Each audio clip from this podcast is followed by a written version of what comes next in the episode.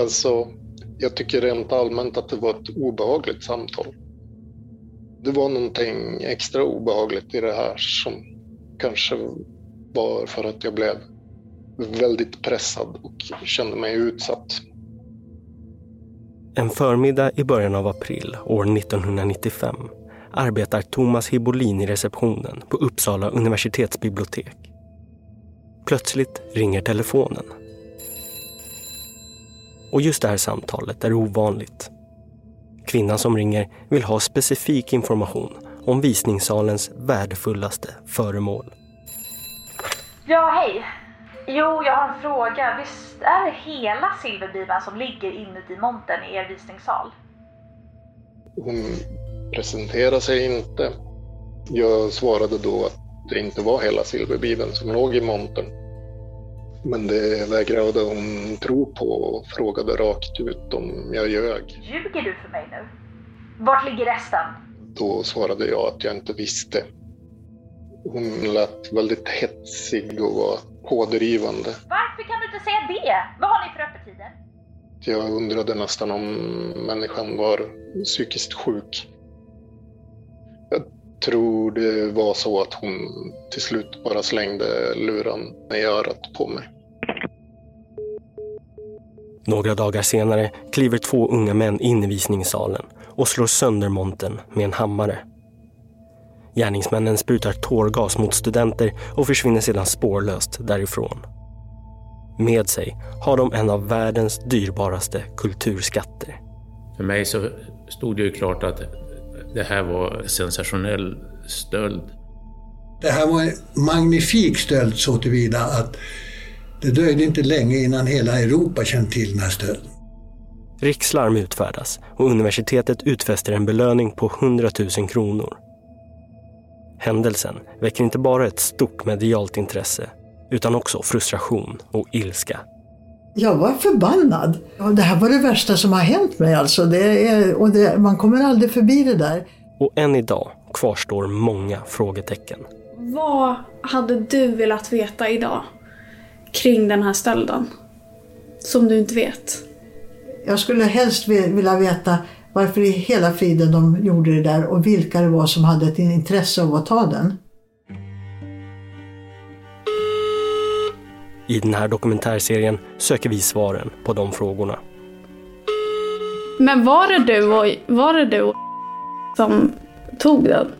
Vi kan, vi ses och prata om saker. Så kanske kan... Eh, kanske... Jag var där. Du var där? Och vi kommer längre i vårt sökande än vad vi först trott. Ja men grymt, vi hörs nästa vecka. Du lyssnar på podcasten Motiv om kuppen mot Silverbibeln. Ett 30-tal poliser jagar just nu de båda män som tidigare idag stal delar av Silverbibeln vid en tårgaskupp mot universitetsbiblioteket. Tjuvarna hade kunnat gripas på bar gärning om inte larmet hängt sig under de första kritiska minuterna. Om kuppen mot Silverbibeln var ett beställningsjobb vet polisen inte. Om rånarna vet polisen bara att en var lång och ljus och den andra mörk och kort. Det är ju Silverbibeln, säger han. Alltså, det här är jättestort. Man kan inte tänka sig att, eh, att det finns ett rimligt motiv för att göra detta.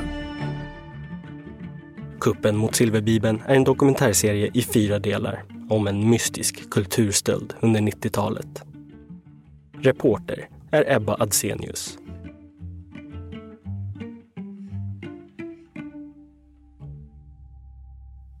Och det är liksom som en film som snurrar in i huvudet på en när man tänker på det. Det är ju det. Ehm, men det är ju något som jag kanske också förtränger någonstans. Liksom jag känner inte liksom att jag kanske hemskt gärna vill eh, gräva i det heller. Och jag tror att hade du frågat mig för tio år sedan om jag vill ställa upp på en intervju så är jag inte helt säker på att jag velat göra det då. En av de första personer jag träffar under arbetet med den här dokumentären kallar vi Monica. Under 90-talet är hon en av många studenter i Uppsala. Och en onsdagsmorgon den 5 april år 1995 ska hon och en av hennes studiekamrater gå till universitetsbiblioteket för att plugga till en tenta i ekonomisk historia. Vi kom ju alltid när, precis när Carolina öppnade och sådär för att få, få bra eh, plats. Så. Universitetsbiblioteket, Carolina Rediviva, är en stor, ljus, pampig 1800-talsbyggnad belägen högst upp i Karolinabacken mittemellan Uppsala domkyrka och Uppsala slott. Och just den här morgonen har personalen på biblioteket som av en slump ett säkerhetsmöte där de bland annat diskuterar säkerhetsfrågor som rör bibliotekets dyrbaraste föremål, silverbibeln. Vad de inte vet då är att två män samtidigt gör sig redo för att stjäla just det föremålet. Det här vet heller inte Monica om då hon slår sig ner i en av läsesalarna tillsammans med sin vän. Sen så bestämde vi oss för att vi skulle ut och äta våra mackor.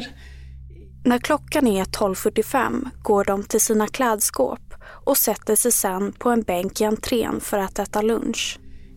Och det var kårval eh, precis i, eh, samtidigt så det var jättemycket folk i, eh, i entrén som ändå är ganska stor. När man går in i byggnaden kommer man först in i en liten inglasad foyer. Därefter ligger entrén som denna dag är full med studenter. Direkt till höger finns bibliotekets visningssal och för att komma in där behöver man passera en glasdörr. Under dagtid står dörren öppen och vem som helst kan besöka utställningen utan föranmälning. Och vi stod där och jag hör då hur någon liksom bankar och sådär, liksom, som att det var några hantverkare eller någonting sånt. Och det, liksom, det väckte min nyfikenhet. Eh, så det var en glasdörr, så jag gick in och tittade där. Längst fram till vänster, inuti en monter, ligger silverbibeln. Utställningsmontern är i trä och uppbyggd som en kub och som lock på montern ligger en skiva i laminatglas. Och då ser jag hur eh, det är en man som står med en hammare och slår mot glasmontern. Monica blir nu vittne till en händelse som kommer prägla många människors liv och inte minst hennes. Hon ser en man som just vid det här tillfället är omaskerad. Han är blond, har en parsliknande frisyr och slår frenetiskt med en hammare mot silverbibelns monter. Och samtidigt kommer det emot mig en annan kille. Den andra killen som nu kommer mot henne är mörkhårig, har på sig en svart skinnjacka och håller något i handen. Som jag uppfattar som ett eh, pistolliknande föremål. Och säger gå ut härifrån, du har inte här att göra. Eller liksom, han ville inte att jag skulle vara där. Och jag blir liksom ganska rädd, men jag förstår ju att de håller på att stjäla eh, silverbibeln då. Eh, så jag vänder och eh, vet att det finns en, en vaktkur längre bort på vänster sida. Och under tiden jag springer till eh, den här vakten så var jag ju faktiskt beredd på att han skulle skjuta mig i ryggen.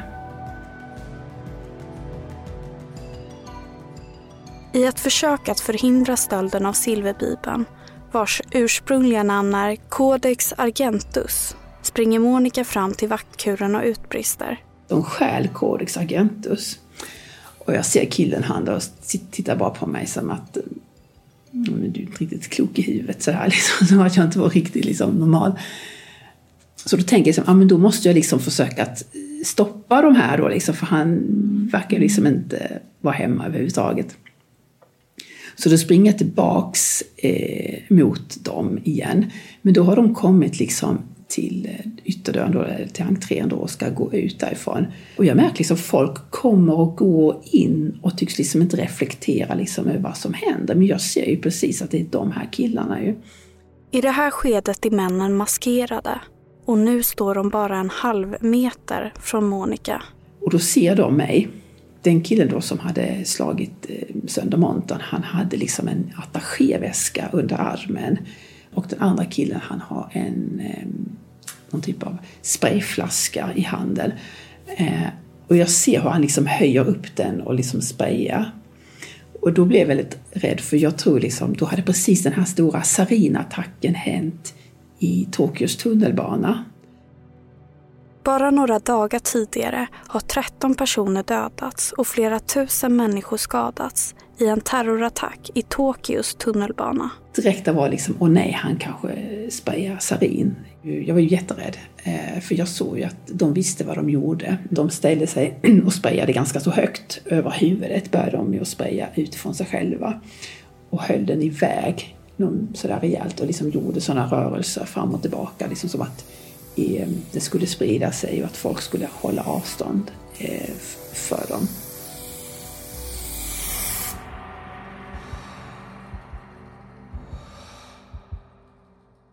Ja, vi var ju färdiga före lunch med det där mötet.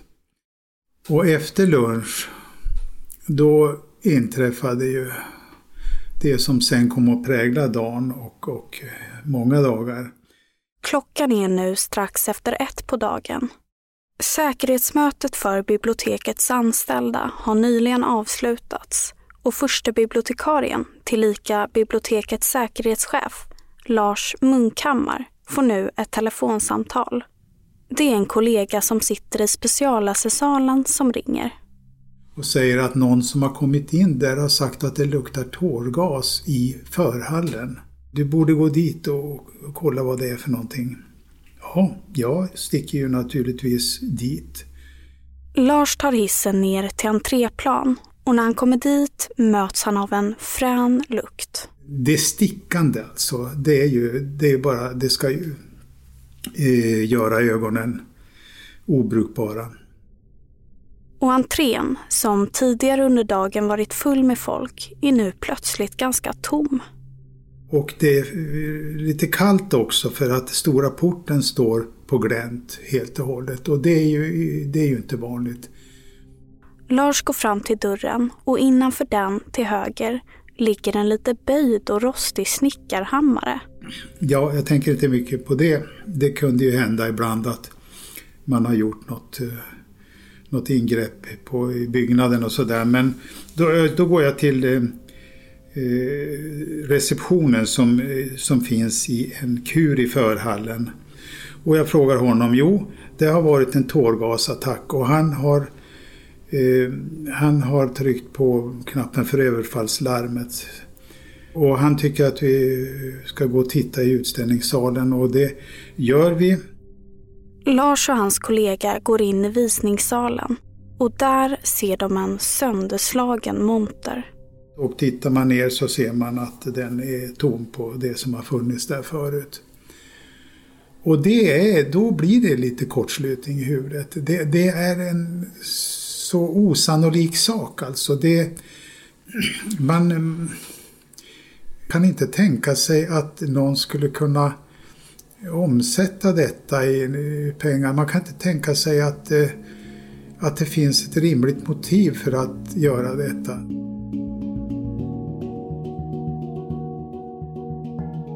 Ungefär en kvart tidigare har SOS fått larm om tårgasutsläpp och strax därpå har även ett överfallslarm inkommit till Securitas.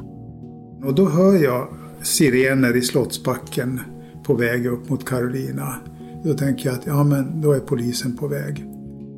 Samtidigt springer Lars upp till kollegan och överbibliotekarien, Thomas Tottis arbetsrum. Tack och lov så är han på sitt rum. Och jag säger då att man har brutit sig in i silverbibelmontern och tagit det som är där. Han eh, ser inte särskilt road ut. han eh, tycker sig inte ha tid med, med, med sådana plumpa skämt. Så att eh, jag eh, har ett visst besvär med att övertyga honom om att, att vi måste gå ner tillsammans och titta. Och så gör vi det. Ja, och då när vi kommer ner där så Ja, då kommer ju också brandkåren dit. Inte polisen först som man skulle kunna tänka sig, men de har ju... Och då kommer ambulans också ju. Då ser ju de att eh, jag är ganska medtagen av den här tårgasen i alla fall. Eh, så jag fick, eh, fick en plastpåse att andas i. Monica fick svårt att andas av tårgasen och satte sig ner på en bänk för att invänta hjälp. Och när ambulansen väl kommer berättar Monica vad det är som har hänt. Att det är en stöld som har skett. Eh, och då kom jag ihåg det som att de tyckte att det var Jaha, är det det som händer? Men vi fick ju reda på att det var liksom eh, tårgasolycka här, att någon hade sprayat tårgas där. Och då kom polisen fram till mig och sa, men stämmer jag? Så, de, de, de stal silverbibeln. Okej, okay. och då går de ju in och då ser de ju sen att silverbibeln är borta. Eh, och jag minns när jag var där i ambulansen, tänkte jag, men vilka amatörer liksom, ser de först nu liksom? Polisen skulle ju ha kommit först egentligen. Ja, det var speciellt. Det var det.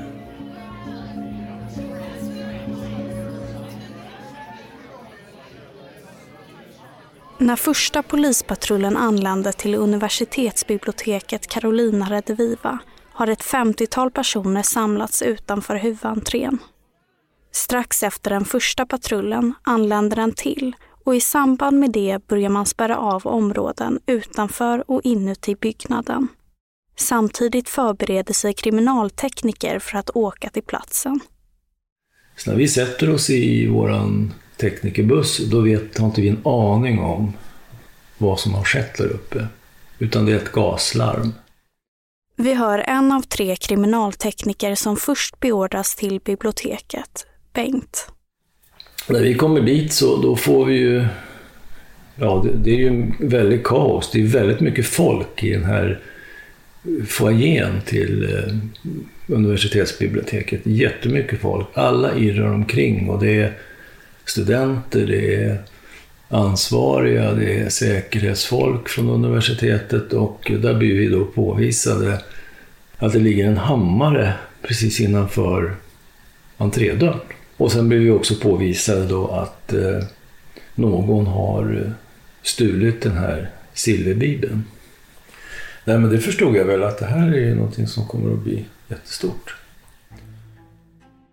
Bengt får veta att gärningsmännen, som av vittnen uppfattats som unga och atletiska, sprungit ut genom entrén och sen i riktning mot parken som ligger precis i anslutning till biblioteket. Men i entrén är det svårt att göra en kriminalteknisk undersökning. Jag vet inte hur många personer som vistas där och alla sprang omkring och var mer eller mindre nervösa. Så eh, fanns det något spår där så var det ju redan förstört. Däremot i det här rummet, där, där var det ju tomt då. I det här. Medan förhör hålls med vittnen påbörjas den tekniska platsundersökningen i visningssalen. Det här blir ju ganska svårt eftersom det här är inget utrymme som, eh, som är stängt utan det här är alltså öppet. Vem som helst kan komma in här och, och betrakta den här silverbibeln. Så det fanns ju massor med skospår. Så jag kommer ihåg att vi koncentrerade oss på, var kanske en och en halv meter, eller kanske var två meter, runt om den här monten.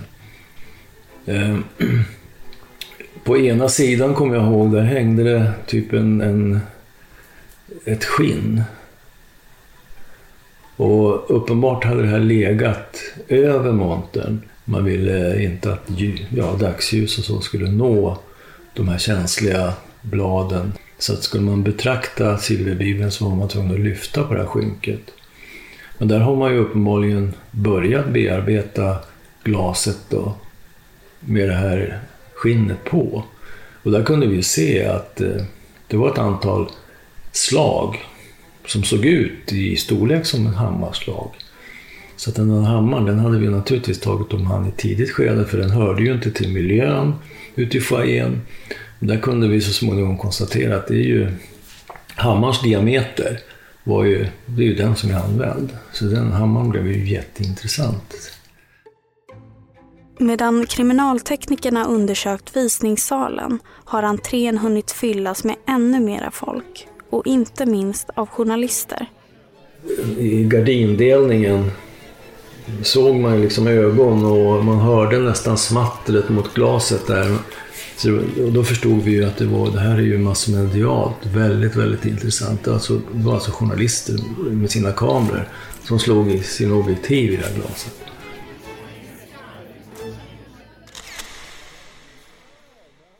Att den mediala uppståndelsen blir stor är inget som förvånar säkerhetschefen Lars. Silverbibeln är nämligen känd över hela världen. Den, den har ju ett kulturhistoriskt värde som inte går att sätta prislapp på i pengar. Handskriften är den absolut främsta källan till vad vi vet om det numera utdöda språket gotiska. Den är skriven för eh, en hovmiljö tänker man sig. Det är, det är purpurfärgat pergament och det är skrivet med eh, silverskrift. Därav namnet Silverbibeln. Lars, som skrivit böcker om Silverbibeln, berättar att den trots sitt namn inte är en fullständig bibel, utan en nedteckning av de fyra evangelierna. Den skrevs i Italien i början av 500-talet och togs av Sverige från Prag i slutet av 30-åriga kriget. Av de ursprungliga 336 bladen återstår bara 188, varav ett finns i Tyskland. Resten av bladen har sedan 1669 tillhört Uppsala universitet och i samband med det fick den sina pampiga silverpärmar. Stölden av silverbibeln gav ju genklang över hela världen. Alltså det, det, jag pratade ju med amerikanska FBI då och jag, vi hade kontakter med andra eh, poliskårer då i Europa och eh, det här är en mycket, mycket större sak än, än, än liksom stöld av en bok vilken som helst. Va? Vi hör Lars Nylén, som under den här tiden är länspolismästare i Uppsala. För mig så stod det ju klart att det här var en sensationell stöld. Så det gäller att eh, dra igång det här på, på största allvar och med full kraft. När länspolismästaren fått veta vad som hänt åker han omedelbart till biblioteket där möter han studenter, personal och landshövdingen. I utställningsmontern låg endast silverpärmarna och ett dubbelblad ovanpå en attrapp. Resten av pergamentbladen förvaras i ett hemligt rum. Lars Nylén och bibliotekets handskriftschef går iväg för att kontrollera så att inte resten av bladen i det hemliga rummet också är stulna. Det visade sig att de inte är.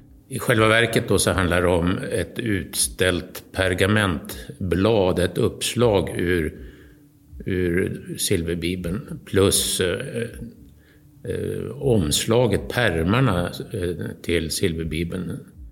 Trots att det inte är hela silverbibeln som är stulen är Lars Nylén bestämd om att ärendet ska få högsta prioritet. Det här måste vi, vi måste satsa på det här och vi måste också gå ut och tala om att det här är något som eh, är fullständigt omöjligt att, sälja på marknaden. Alla som överhuvudtaget har någon eh, kunskap om kulturskatter i världen skulle ju eh, omedelbart konstatera att det här, det här kan inte åtkomts på ett korrekt lagligt sätt utan man skulle omedelbart bli misstänkt för ja, häleri eller att man då eh, har fått fingrarna i den kriminella syltburken. Så i ett tidigt skede beslutar universitetet i samråd med polisen om att man ska gå ut med en belöning på 100 000 kronor till den som kan ge avgörande tips. Och det låter inte så mycket idag, 100 000 kronor, men det var lite mer pengar på den tiden. Universitetets säkerhetschef Pelle Ölund har precis ätit lunch denna onsdag och kommit tillbaka till jobbet när han nås av den för honom ofattbara nyheten. Och när jag kommer upp där så säger en av mina medarbetare De har stulit silverbibeln! Och jag blev ju alldeles förstummad och maktlös kände jag mig. Antingen var de fruktansvärt välutbildade och motiverade och duktiga. Eller så hade de alltså tagit preparat som gjorde att de vågade göra det här. Och jag, jag skulle ju tro att eh, de verkligen var påverkade när de gjorde det här på ett sånt sätt så att de eh, ja, de klarade av det. För att en normal människa skulle inte våga gå in och göra en sån här sak. Det är klart, det här var en magnifik stöld så tillvida att det dröjde inte länge innan hela Europa kände till den här stölden. Även andra länder utanför Europa gick man ut och meddelade att silverbibeln var stulen. Så det var, det var en spektakulär händelse. Och det dröjer inte länge innan det blir medialt känt att larmet i montern inte har fungerat som det ska. Det fanns ett schysst larm i montern, men där hände ingenting. Och då kan man fråga sig eh, varför, varför blev det så? För, för det, det var testat ett antal gånger innan och det funkar bra, men nu funkar det inte. Så att eh, när man i paranoian så tänker man att det var manipulerat. Självfallet då så eh, ordnar vi med rikslarm men också kontakter med, med polisverksamheten internationellt. Klockan tre på eftermiddagen utfärdas rikslarm. Det är ett larm som skickas ut av polisen vid särskilt svåra brott såsom väpnade rån, mord eller när farliga personer har rymt från fängelset. Under eftermiddagen tar sig kriminalteknikerna till larmrummet. Men i det här skedet kan man inte fastställa vad felet är. Man beslutar om att göra en noggrann kriminalteknisk undersökning dagen därpå. Länspolismästaren återvänder till polishuset på Salagatan 18 och där börjar han och hans kollegor diskutera vilka typer av motiv som kan tänkas ligga bakom stölden. Vi hör länspolismästaren Lars Nylén. Det är ju väl känt då att eh, artnapping, att stöld för att sälja tillbaka, det är ju, en, det, det är ju ganska vanligt då när det gäller eh, välkända konstföremål, framförallt då tavlor. När det gäller silverbibeln så kunde man ju omedelbart också tänka sig andra motiv.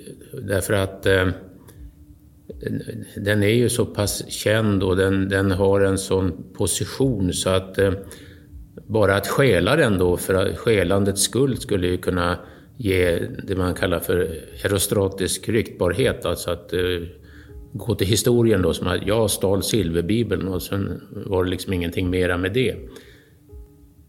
Sen hade vi också en tanke om att det här skulle kunna vara en del i ett rollspel, för det var vanligt att man höll på med rollspel. Man skulle göra olika saker och visa då vad man kunde och inte kunde. Vi var ju naturligtvis rädda för att eh, det här skulle kunna ha varit en beställning ifrån någon i utlandet då som av ena eller andra skälet ville eh, få tillgång till, till de här silverbibelbladen. Klockan 17.00 håller polisen en presskonferens. Och en av dem som befinner sig där i vimlet av journalister och fotografer är bibliotekets säkerhetschef Lars Munkhammar. Nu hade de ju eh, Eh, lagt på ett väldigt tryck och eh, uppgraderat den här insatsen till något som de kallar för spaningsmord. Man hade ju ingen aning om vad, vad som hade hänt vilken typ av kupp det här var. Vilken typ av människor som hade gjort den. Ehm, tankarna surrade i huvudet. Jag, jag, jag, jag var nog mest skärrad egentligen. Efter presskonferensen tar sig Lars Munkhammar hem och tankarna fortsätter där att surra. Då är eh, hjärnan överlastad alltså för mig och jag kommer hem lite för sent. Men, men det, det är ju naturligt. Men jag är liksom, eh, jag är så utschasad av allt det här. Och samma kväll sänder ABC-nytt ett inslag där han själv intervjuas om det som numera kallas tårgaskuppen. God kväll. Ett 30-tal poliser jagar just nu de båda män som tidigare idag stal delar av silverbibeln. Att ställa ut saker, det är ju att ta en kalkylerad risk.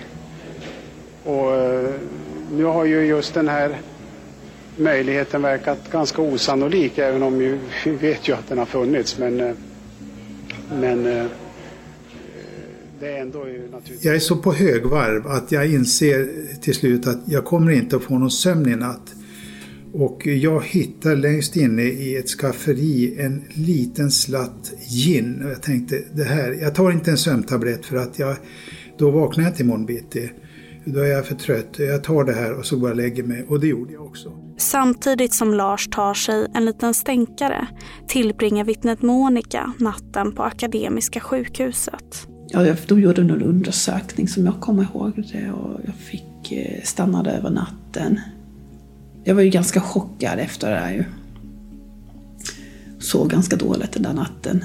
Jag visste liksom inte vad det här var för typ av människor egentligen. Så jag var lite rädd liksom att de kanske skulle ha känt igen mig och vad ska man säga, Fobitankar. eller man tror liksom att de skulle kanske kunna komma ihåg vem man är och kanske känna igen en på stan. Så. Sen på morgonen så skrevs jag ut. Eh, och då fick jag eh, komma hem och då fick min eh, kompis komma dit med andra kläder. Monica skrivs ut och Lars Munkhammar vaknar med en citat fruktansvärd migrän. Men trots det finns inget annat val än att snabbt ta sig tillbaka till jobbet. Och då går jag genast upp till Thomas Totti och han sa du får ta det här. Eh, ja vadå?” då sa jag. Jo då ligger telefonluren på hans bord. Eh, ja, det, det, de har ringt, det är det om det här silverbibeln sa han. Och så gick han iväg och jag lyfte luren och då kom jag in i direktsändning i ett norskt radioprogram som heter Morn Norge. Och eh, det var ju en skräck alltså och dessutom med denna migrän. Så att det var så, eh, ja det var verkligen absurt. Senare under förmiddagen gör man en noggrann teknisk undersökning av larmet. Där deltar Lars Munkhammar, en servicetekniker på Securitas och två kriminaltekniker. Vi hör kriminalteknikern Bengt. Då gjorde vi en test av de olika larmfunktionerna och även då det batteribackup-system som, som kopplas in då om det är ett nätbortfall. Alla testerna som vi gjorde då, det har ju då utförts utan anmärkning. Larmet i montern fungerade, men hade av någon teknisk anledning hakat upp sig och inte skickats vidare till larmcentralen. Man kan så gott som avfärda misstanken om att larmet varit manipulerat. Och man kan snart konstatera att det krävts mellan 8 till 9 hammarslag för att krossa montern. Och det kanske säger något om gärningsmännen. Det kan ju tyckas att eh, den här stölden är lite amatörmässig då på det sättet att eh, Eh, ja, man, man kommer med en hammare och ska liksom slå sönder den där montern. Och, och, det finns ju en risk om man börjar slå på en, en, en monter där det ligger ett värdefullt föremål, att man slår sönder föremålet. Då. Sen då att eh, ibland då så så eh, genomför man ju sådana här konststölder då när det är väldigt lite folk.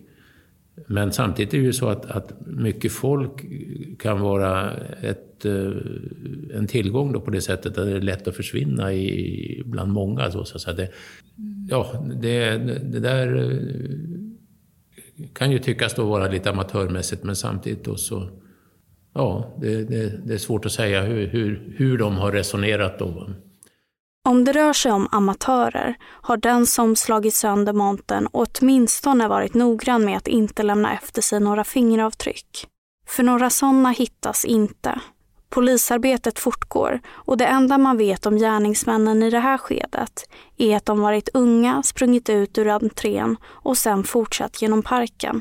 Förmodligen till en parkeringsplats vid Kemikum. Och eh, som jag kommer ihåg det då så fanns där en bil, en, en vit bil som eh, någon hade sett och som de möjligen flydde med. Det är lite osäkra uppgifter i, i, i det momentet då. I det här stadiet är det mycket som är lite osäkra uppgifter. Men när universitetets belöning om 100 000 kronor sprids i tidningarna och programmet Efterlyst tar upp händelsen börjar tipsen strömma in. Eh, jag har en allvarlig anmälan mot en man boende i Uppsala stad. Han är med i någon form av eh, satanistisk grupp i Uppsala. Det är samma person som blev skjuten i benet av polisen för några år sedan. Han är helt sexfixerad och kopplar flera damer till Tja, alltså jag klurar. Jag tror att det är någon som har tillgång till kemikalisk utrustning eller precis köpt något sånt där. Så det har varit inblandad i, i tre konststölder. Alltså för att smälta ner den då menar En tavla för samariten, något konstverk från Akademiska och... Han läser trollramsor och satansverser som hon tror på och sätter skräck i många. Flera familjer är sur. Jag har en, en bra idé, som kan ha snott Silverbibeln. En hobbydeckare är det. Roffe Johansson heter han. Jag hörde förresten talas om att universitetet ska gå ut med en lönesumma på 100 000 kronor. Stämmer det? Tipsen som kommer in leder ingenstans och det står ganska stilla i polisutredningen. Men så bestämmer man sig för att utse universitetets säkerhetschef, Pelle Ölund, till kontaktperson. Ja, sen lugnade det ner sig lite grann. De insåg att man kanske skulle då, eh, tänka efter lite grann och, och försöka jobba lite mer schematiskt här. Och då såg man till att jag blev kontaktman med eh, polisen. Vi räknade med att det ganska snart skulle börja surra om eh, stölden så att säga, i den undre världen och då gällde det att ha öron och ögon öppna. Och snart inkommer ett tips till säkerhetschefen Pelle som visar sig vara intressant. Hallå, hej. Eh, ett för universitetet intressant föremål finns på Stockholms centralstation. I en förvaringsbox en trappa ner, nummer 198. Radio Uppland här igen, Per Alton heter jag. Ska bara bryta sporten helt kort för att återigen berätta att de stulna delarna av Silverbibeln i Uppsala har kommit till rätta. Silverbibeln dyker under mystiska omständigheter upp igen och till allas glädje. Men frågorna kvarstår. Vilka tog den? Och varför? Men det, det är klart att så man vill ju se någon skyldig också. Jag hade ju en stöld att, att klara upp. Vem var gärningsmännen och hur hade det här gått till? Det sa vi. Vi misstänkte att det här är liksom tårgas och bultsax och silverbibeln. Det här är något skumt liksom. Men... Som vi brukar säga, det är snutnäsan som sa det att det här är någonting som är fel. Du har lyssnat på den första av fyra delar om kuppen mot Silverbibeln. Av hänsyn har vissa namn ändrats. Mitt namn är Ebba Adsenius. Producent Nils Bergman. Ansvarig utgivare Jonas Häger. Tack för att ni lyssnar.